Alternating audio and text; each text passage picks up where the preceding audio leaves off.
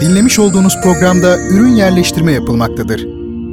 Bertan Ronayla Duyuşlar Müzik, sanat, edebiyat, dil, kültür ve hayat üzerine duymak istediğiniz her şey bu programda. Bertan Ronayla Duyuşlar her çarşamba saat 22'de Samsun'un Gerçek Radyosu'nda. Bertan Ronayla Duyuşlar başlıyor. Sevgili dinleyicilerim, Duyuşlar programına hoş geldiniz efendim. Bugün 3 Mart 2021 Çarşamba ve her çarşamba gecesi olduğu gibi saat 22'de sizlerle birlikteyiz efendim. Bertan Rona'yı dinlemektesiniz şu an. Bendeniz Duyuşlar programını sizler için hazırlıyorum ve bildiğiniz üzere az önce de ifade ettim çarşamba geceleri saat 22'de sunmaya çalışıyorum efendim. Bu gece de öyle olacak ve sizlerle yeni bir konu üzerinde duracağız. Bu haftaki konumuz astronomi olacak. Astronomi demek aslında pek doğru değil çünkü e, bu terim koskoca bir bilim dalını ifade ediyor. O bakımdan konumuz astronomi demek bana çok iddialı geliyor. Belki de gökyüzü yani insanoğlunun gökyüzüyle kurduğu ilişki üzerine sizlerle sohbet etmek istiyorum. Şöyle bir düşündüğüm zaman gökyüzünün, yıldızların, insanın belki de sonsuzlukla kurduğu ilk ilişki biçimi olduğunu görüyorum. Yani çok çok eski zamanlarda geceleri henüz zifiri karanlık iken yani e, bugünlerdeki gibi değilken böyle insanlar ışıklı şehirlerde yaşamıyorken ve yıldızlarla gökyüzüyle bağları kopmamışken insanlar geceleri belki de Samanyolu'nun ya da görülebilecek yıldızların çıplak gözle görülebilecek bütün gök cisimlerinin tamamını gördüklerinde kendilerinin ne kadar küçük olduğunu hissettiler. Belki de bu gökyüzündeki inanılmaz güzellik, bu görsel şölen, adeta şölen onlara bunu yapanın bilinçli olarak yaptı. Yani bu görüntünün arkasında bir bilincin olduğunu düşündürttü. Bu da e, belki insanları Allah inancına götürdü. Öyle ya bir süsleme e, söz konusu, bir tezyin var gökyüzünde. E, onun dışında bir İran atasözü e, dermiş ki gece dünyayı gizler ama kainatı ortaya çıkarır. Yani alemi, alemleri ortaya çıkarır. Öyle veya böyle insanın karanlıkla ilişkisi, geceyle ilişkisi çok önemli. Bizler artık e, pek karanlığı görmüyoruz. Oysa ki gündüzler bizim çalışmamız için, gecelerse bizim dinlenmemiz için. Yani o gecenin bize örtü olabilmesi gerekiyor gerçekten. Ancak e, bunu çağımızda pek göremiyoruz. Yani geceler de artık aydınlık. Bizler geceleyin gündüz gibi yaşayabiliyoruz, sabahlayabiliyoruz. Oysa e, insan açısından gece kabaca söylüyorum 10 ile e, gece yarısından sonra 3 arasında belki uyumak sağlıklı ama 3'ten 4'ten sonra mutlaka uyanık olmak gerekiyor. Oysa öyle bir hal aldı ki iş artık e, gece oturur, e, gündüz yaşar olduk. Küçük burjuva hezeyanlarımızla, duyarlılıklarımızla birlikte. Bunları çok önemli şeyler zannediyoruz. Oysa tabiattan gittikçe e, kopuyoruz. Yani modern kent hayatı burjuvazinin vaat ettiği, insanlara vaat ettiği mutluluğu getirmedi. Tabi serbest pazar üzerine, kapitalizm üzerine bina edildiği için de e, pek çok çelişkinin ev sahibi haline e, gelmiş oldu. Bizler de tabiattan gittikçe koptuk, kendimize yabancılaştık ne dersek diyelim. Evet bir zamanlar insanlar gökyüzüne bakarlardı, yıldızları görürlerdi ve bu tabi e, pek çok düşüncenin ve giderek felsefenin ve bilimin üzerine kurulduğu temelde belki önemli bir taş, önemli bir tuğla oldu. Aristoteles gökyüzündeki yıldızların ruhani varlıklar olduğunu, melekler olduğunu, bilinçli olduklarını düşünüyordu. Hareket ettikleri için bilinçli olduklarını düşünüyordu. Ama ay altı evrenden yani bizim içinde yaşadığımız alemden, dünyadan farklı olarak kevnü fesada tabi olmadıklarını düşünüyordu. Yani orada hiçbir şeyin değişmediğini bir anlamda e, oluşun ve bozuluşun var olmadığını, orasının ilahi e, varlıkların alemi olduğunu düşünüyordu. Kabaca böyle söyleyebiliriz belki. Tabi astronomi pratik ihtiyaçlardan da kaynaklanmıştır aslında. Astronomi biliminin özellikle gelişmesi eğer bilim kısmına geçecek olursak. Çünkü yıldızlara bakarak insanlar yollarını bulabileceklerini veya e, mevsimle ilgili bir takım hadiseleri önceden kestirebileceklerini öyle değil? Yani Nil Nehri'nin mesela taşkınlarının önceden e, yıldızlara bakarak mevsimler aracılığıyla belki belirlenebileceğini keşfetmişlerdi. Bu pratik ihtiyaçların daha sonra praksisten teoriye yani teoriye yükselmesi, dönüşmesi astronomiyi tabii bir bilim haline getirdi ama ruhsuz bir bilim oldu bu. Yani orta çağdaki astronomi çalışmaları her ne kadar günümüzdekiyle mukayese bile edilemeyecek kadar geri olsa da bir ruhu vardı, bir anlamı vardı. E, yıldızların gök cisimlerinin bir şeye işaret ettiği düşünülüyor idi. Oysa modern bilim felsefesinde neden sorusuna veya bir anlam arayışına yer yok. Modern bilim sadece nasılla ilgilenir ve onu da e, geri kalan kısmını yani felsefeye havale eder. E, şimdi tabii insanların astronomi kapsamında yaptığı çalışmalar ve bunların tarihçesi kalın kalın kitaplarda anlatılmıştır.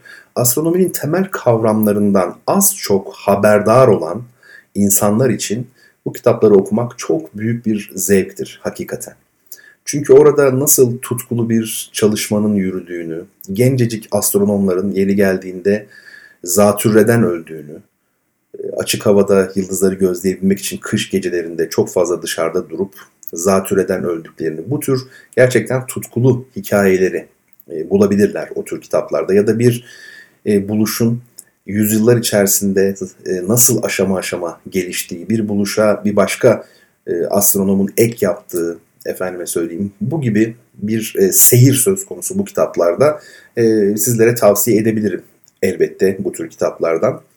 E, programın sonunda olmazsa birkaç kitap adı da zikredelim.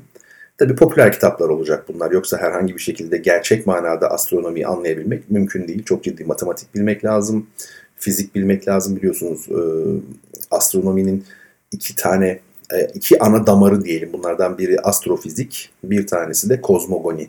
Kozmogoni felsefeye de yakın tabii. Evrenin nasıl doğduğu, kainatın nasıl var olduğu ile ilgili. Tabii yine fizik temelli önemli bir disiplin. Astrofizik ise e, adından da anlaşılabileceği gibi astro yıldız demek. Fiziği zaten e, biliyoruz.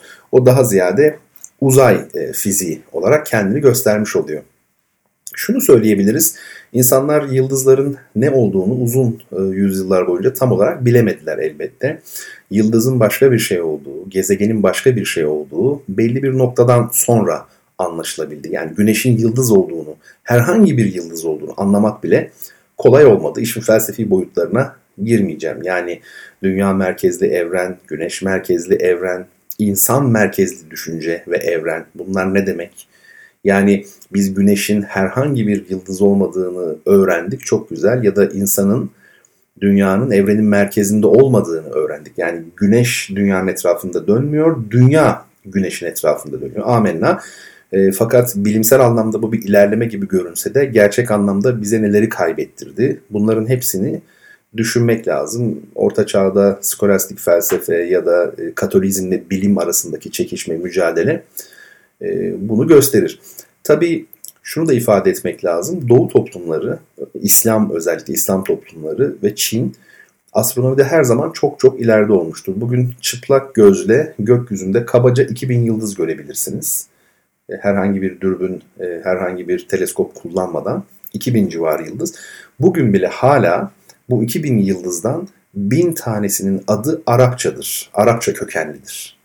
Bu zamanında Arap astronomisinin, Arap demeyelim biz buna, İslam diyelim. Avrupalıların pek anlamadığı bir şey bu. Onlar her zaman ya Arap derler ya Fars derler. Çünkü unsuriyet fikri yani millet fikri e, kapitalizmle birlikte Avrupa'da geliştiği için doğuya baktıklarında da e, böyle görürler. Oysa doğuda böyle bir düşünce pek yok. Bir İslam ümmeti yani modern Avrupa'da yani modernite öncesindeki Avrupa'da olduğu gibi orada da bir ümmet söz konusuydu. Protestanlık henüz ortaya çıkmamıştı.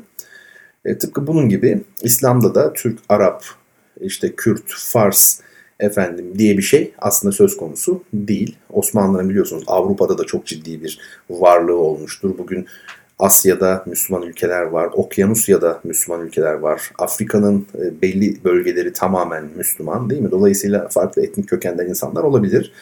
E, bu bilimin içerisinde.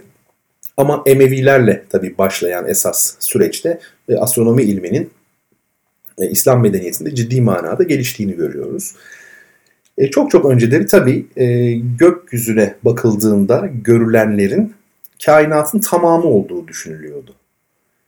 Yani Samanyolu dediğimiz şey kainatın tamamını kapsayacak şekilde düşünüyordu. Bir galaksi vardı. Belki galaksi kavramı bile yoktu. Ancak Edwin Powell Hubble'ın 1920'li yıllarda e, kendi e, teleskobuyla Andromeda galaksisinin e, belli bir kesiminde tek tek yıldızları ayrıştırabilmesiyle Samanyolu galaksisi dışında da başka galaksilerin olduğu anlaşılmış oldu. Herhalde ifade edebildim. Biz gökyüzünde çıplak gözle bile baksak eğer doğru yere bakıyorsak Andromeda'yı doğru yerde ve zamanda görebiliriz. Ama bize o bir tül gibi görünür. Bir bulutsu gibi görünür Andromeda. Oysa ki bir galaksidir. Ee, tabii e, Powell'a kadar, Hubble'a kadar özür dilerim, Edwin Powell Hubble'a kadar e, teleskoplarla bakıldığında Andromeda galaksisinin içindeki yıldızlar görülemiyordu.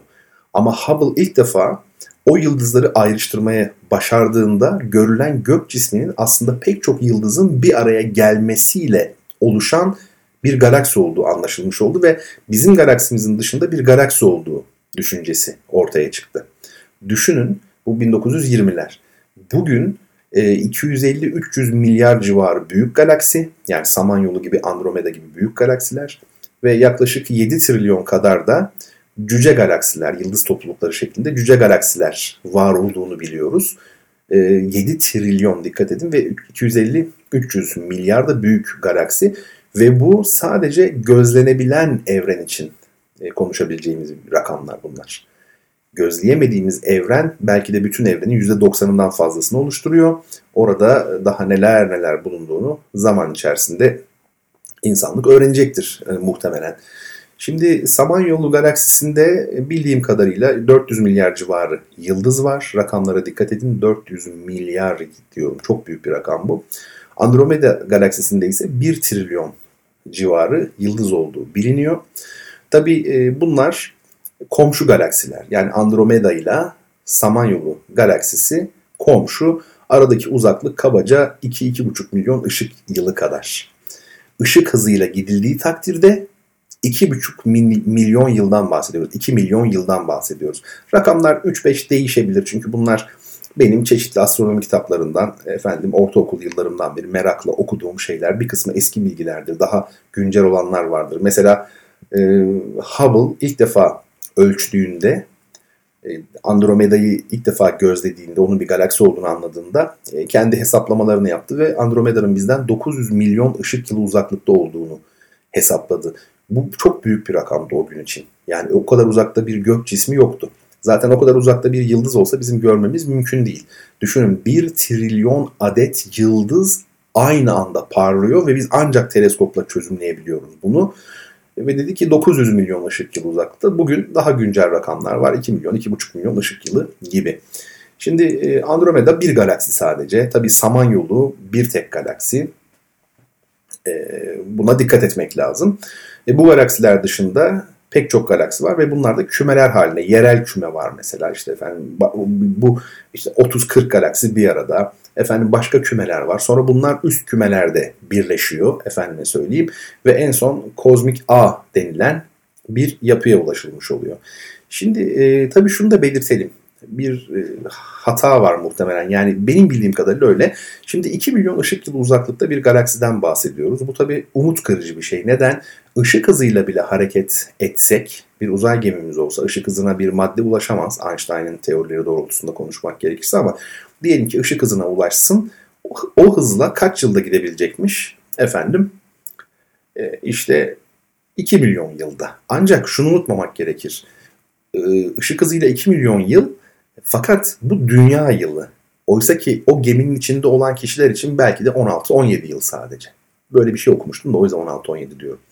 Yani biz gemiye biniyoruz uzay gemisine ışık hızına yakın bir hızda gidiyoruz. 16-17 yıl bizim için ama dünyada 2 milyon yıl. E, görelilik bu zaten Einstein'ın ortaya koyduğu gibi bildiğim kadarıyla. Şimdi e, bu açıdan yaklaştığımızda e, ışık hızıyla ilgili e, bu bilgilerimizi güncellememiz lazım. Düşüncemizi daha doğrusu.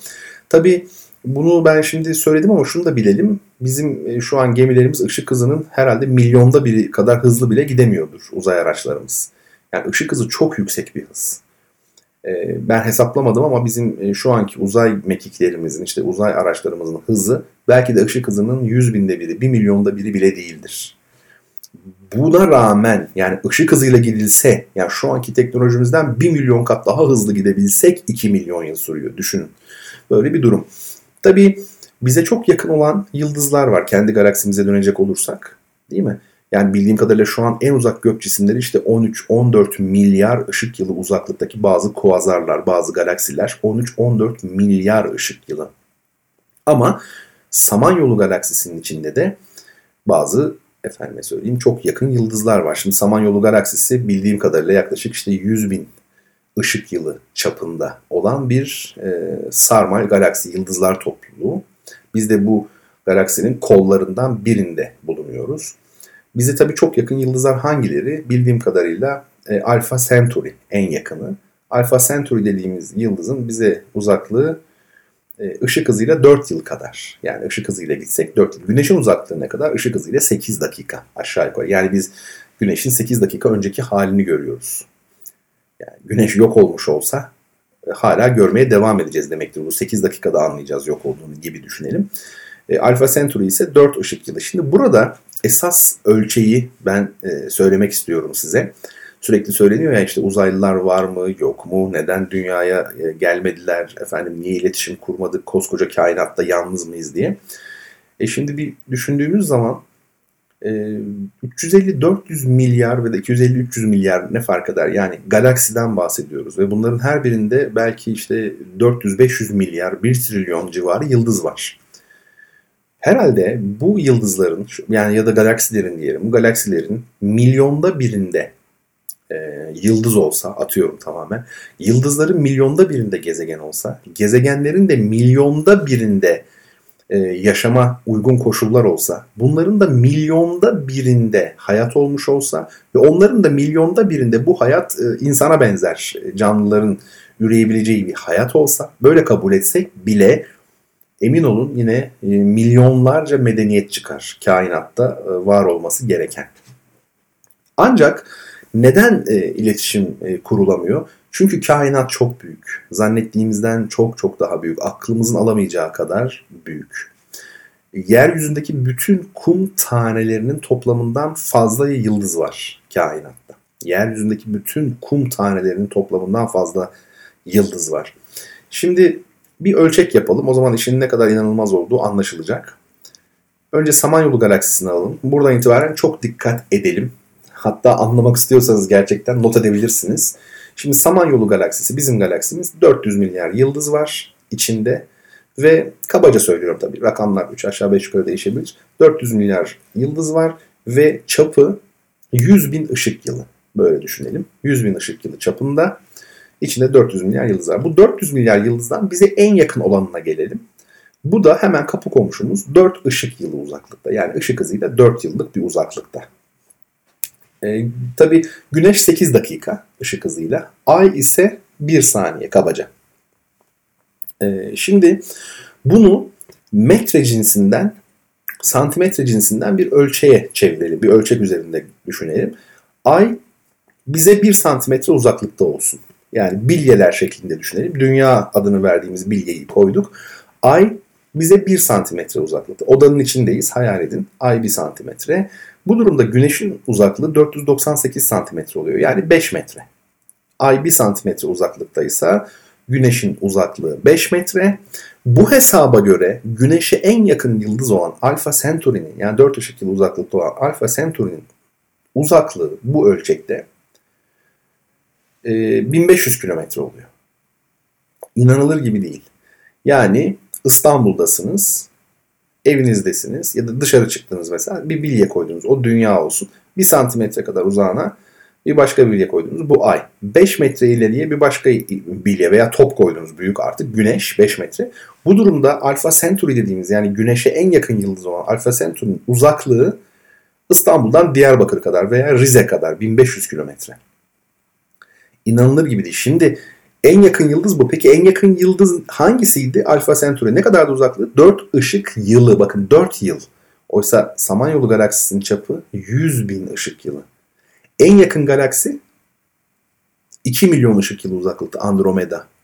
Ve 400 milyar civarı da 250-300 milyar veya galaksi var şu an kainatta. 7 trilyon kadar da küçük galaksi var. Ee, bilmem ifade edebildim mi? Bu anormal ama anormal bir büyüklük.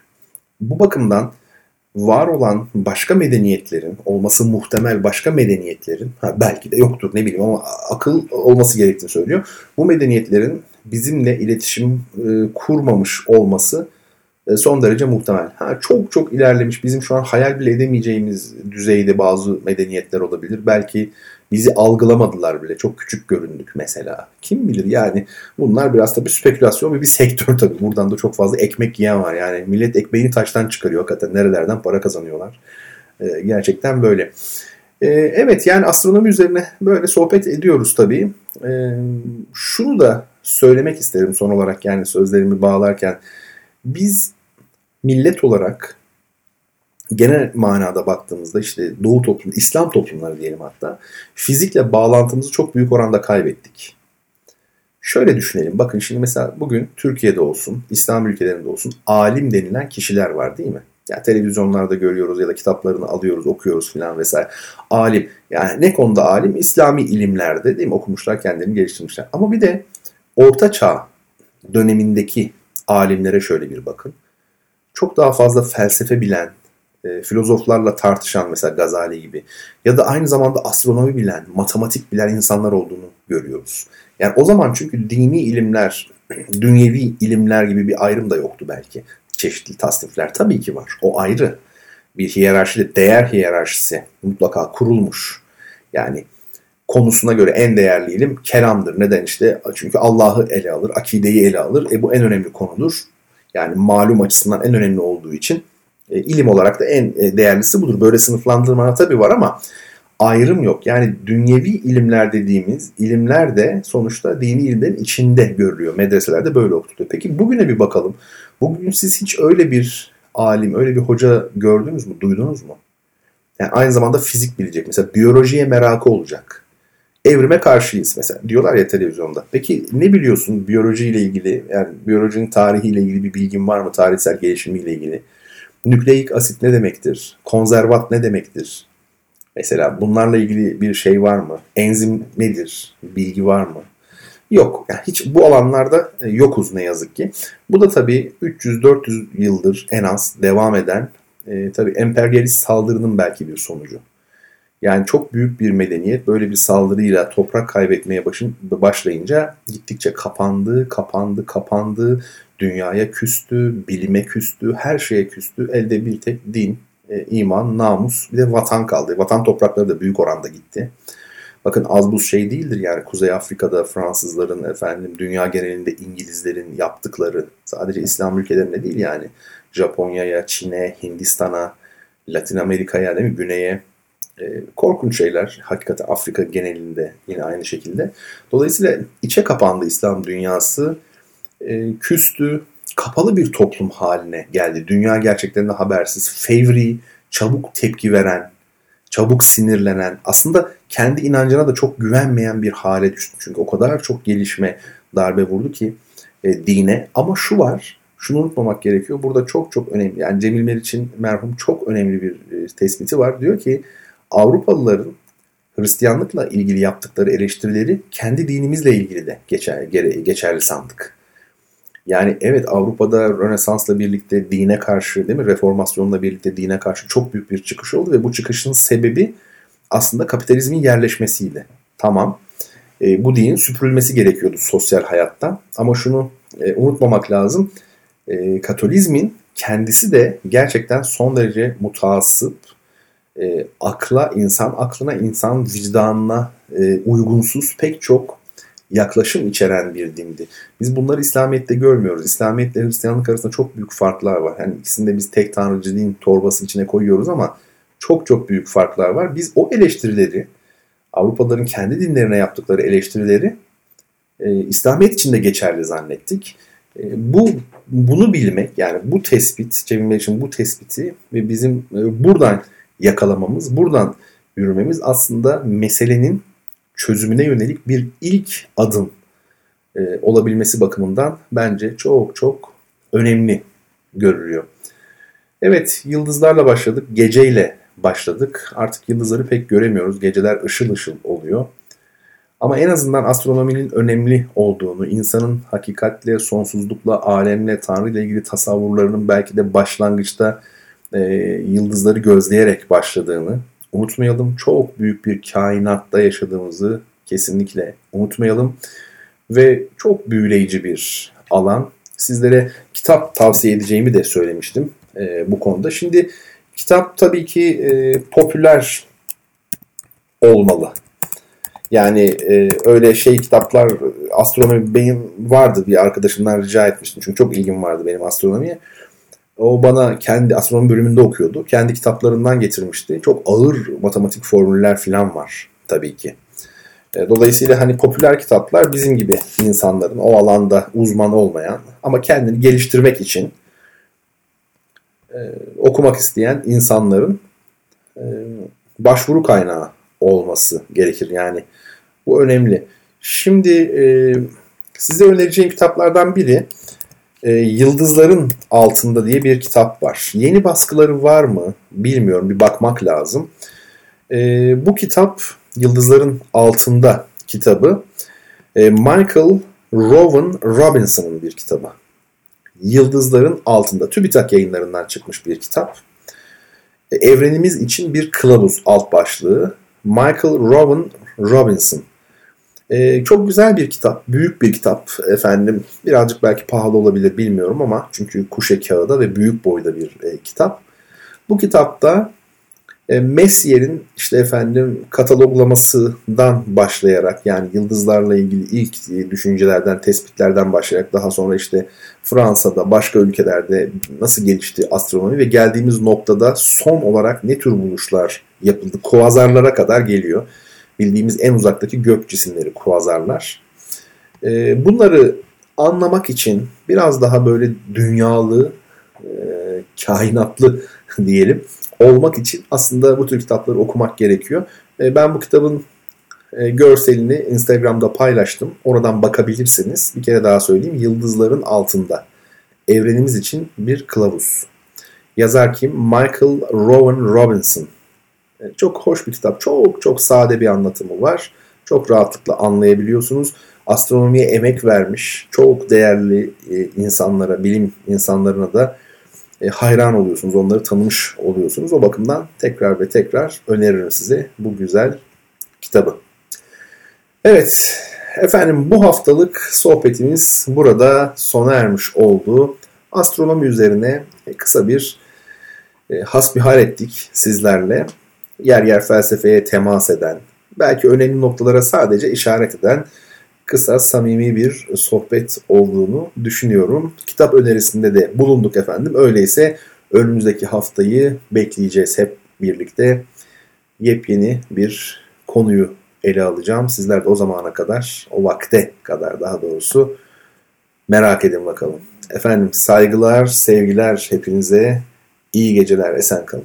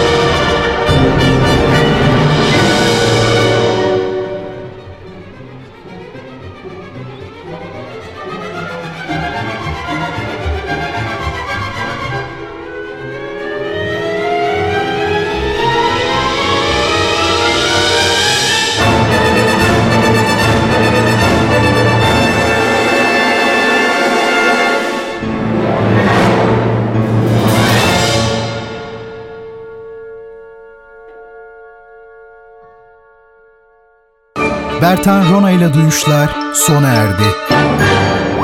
Bu program hakkındaki düşüncelerinizi dinleyen et radyogercek.com adresine mail atarak bize ulaştırabilirsiniz.